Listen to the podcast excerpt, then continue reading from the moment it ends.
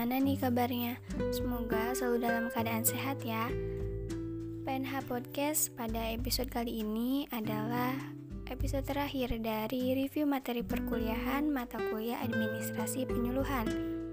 Karena episode ini adalah terakhir, jadi pembahasannya juga spesial nih teman-teman, yang di mana bimbingan penyuluhan Islam goalsnya yaitu menjadi penyuluh agama, tapi tidak menutup kemungkinan sih untuk eh, berprofesi selain penyuluh agama. Nah, tapi di episode kali ini kita akan fokus membahas tentang penyuluh agama. Sebelumnya, karena ini mata kuliah administrasi penyuluhan, di episode kemarin pasti teman-teman sudah tahu ya, apa sih administrasi penyuluhan itu? Nah, administrasi penyuluhan itu sangatlah digunakan dalam penyuluhan, yang di mana dari tahap perencanaan, tahap pelaksanaan, sampai tahap evaluasi itu merupakan kegiatan administrasi dalam penyuluhan. Kemudian kita lanjut ke poin penyuluhan. Penyuluhan itu adalah suatu kegiatan untuk mendorong perubahan pada individu, kelompok, komunitas, ataupun masyarakat yang disuluhnya agar mereka tahu, mau, dan mampu untuk menyelesaikan permasalahan yang dihadapi. Nah, sedangkan penyuluhan agama itu yang tadi dari arti penyuluhan, tapi penyuluhan agama melaksanakannya atau menyampaikannya kepada masyarakat ataupun kepada halayak sasaran dengan bahasa agama. Kemudian, apakah seorang penyuluh itu merupakan profesi? Jawabannya iya. Penyuluh merupakan profesi. Karena jika kita lihat dari pengertian profesi itu sendiri, profesi merupakan pekerjaan yang menuntut kualifikasi dan kompetensi tertentu sesuai dengan tugas pokoknya.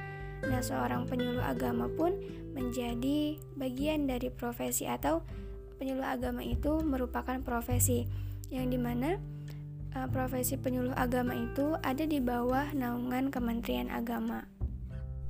Ketika seorang penyuluh agama itu merupakan profesi, ada beberapa tugas. Nah, yang pertama itu tugas agama.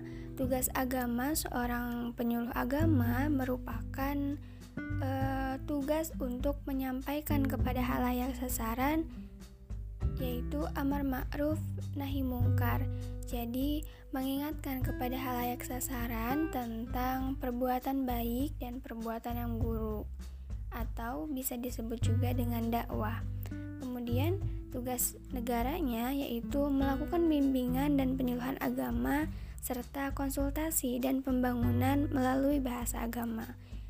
Melalui bahasa agama di sini maksudnya tidak selalu dengan ayat-ayat Al-Qur'an ataupun dengan hadis-hadis, tapi kita juga bisa menyampaikan kepada halayak sasaran itu dengan tafsir atau dengan atau interpretasi dari pemahaman kita tentang ayat-ayat Al-Qur'an ataupun hadis yang di mana itu bisa membuat halayak sasaran menjadi tahu, mau, dan mampu untuk melakukan perubahan yang tentunya ke arah yang lebih baik. Nah, kemudian ada nih pembahasan tentang tugas, peran, dan fungsi penyuluh agama. Tugas seorang penyuluh agama yaitu melakukan bimbingan agama, penyuluhan agama, konsultasi atau arahan agama, dan pembangunan dengan bahasa agama. Adapun peran dari penyuluh agama yaitu menjadi seorang komunikator atau edukator, menjadi seorang fasilitator, menjadi motivator ataupun inisiator dan stabilisator dan lain sebagainya. Jadi banyak banget peran yang dilaksanakan oleh seorang penyuluh agama. Nah, ada juga fungsi dari penyuluh agama yaitu informatif dan edukatif, konsultatif dan advokatif. Adapun tiga syarat utama penyuluh agama yang profesional yaitu yang telah Putri jelaskan tadi bahwasanya seorang penyuluh yaitu melakukan kegiatan ataupun bimbingan kepada halayak sasaran dengan bahasa agama dan dan membuat masyarakat atau halayak sasaran itu menjadi tahu, mau, dan mampu. Nah, mungkin itu saja yang bisa Putri sampaikan dalam pembahasan dari penyuluh agama. Terima kasih untuk teman-teman yang sudah mendengarkan podcast tentang review materi perkuliahan atau kuliah administrasi penyuluhan dari episode pertama sampai episode sekarang ini. Kan semoga bisa bermanfaat. Sampai ketemu lagi di review materi perkuliahan selanjutnya. Terima kasih.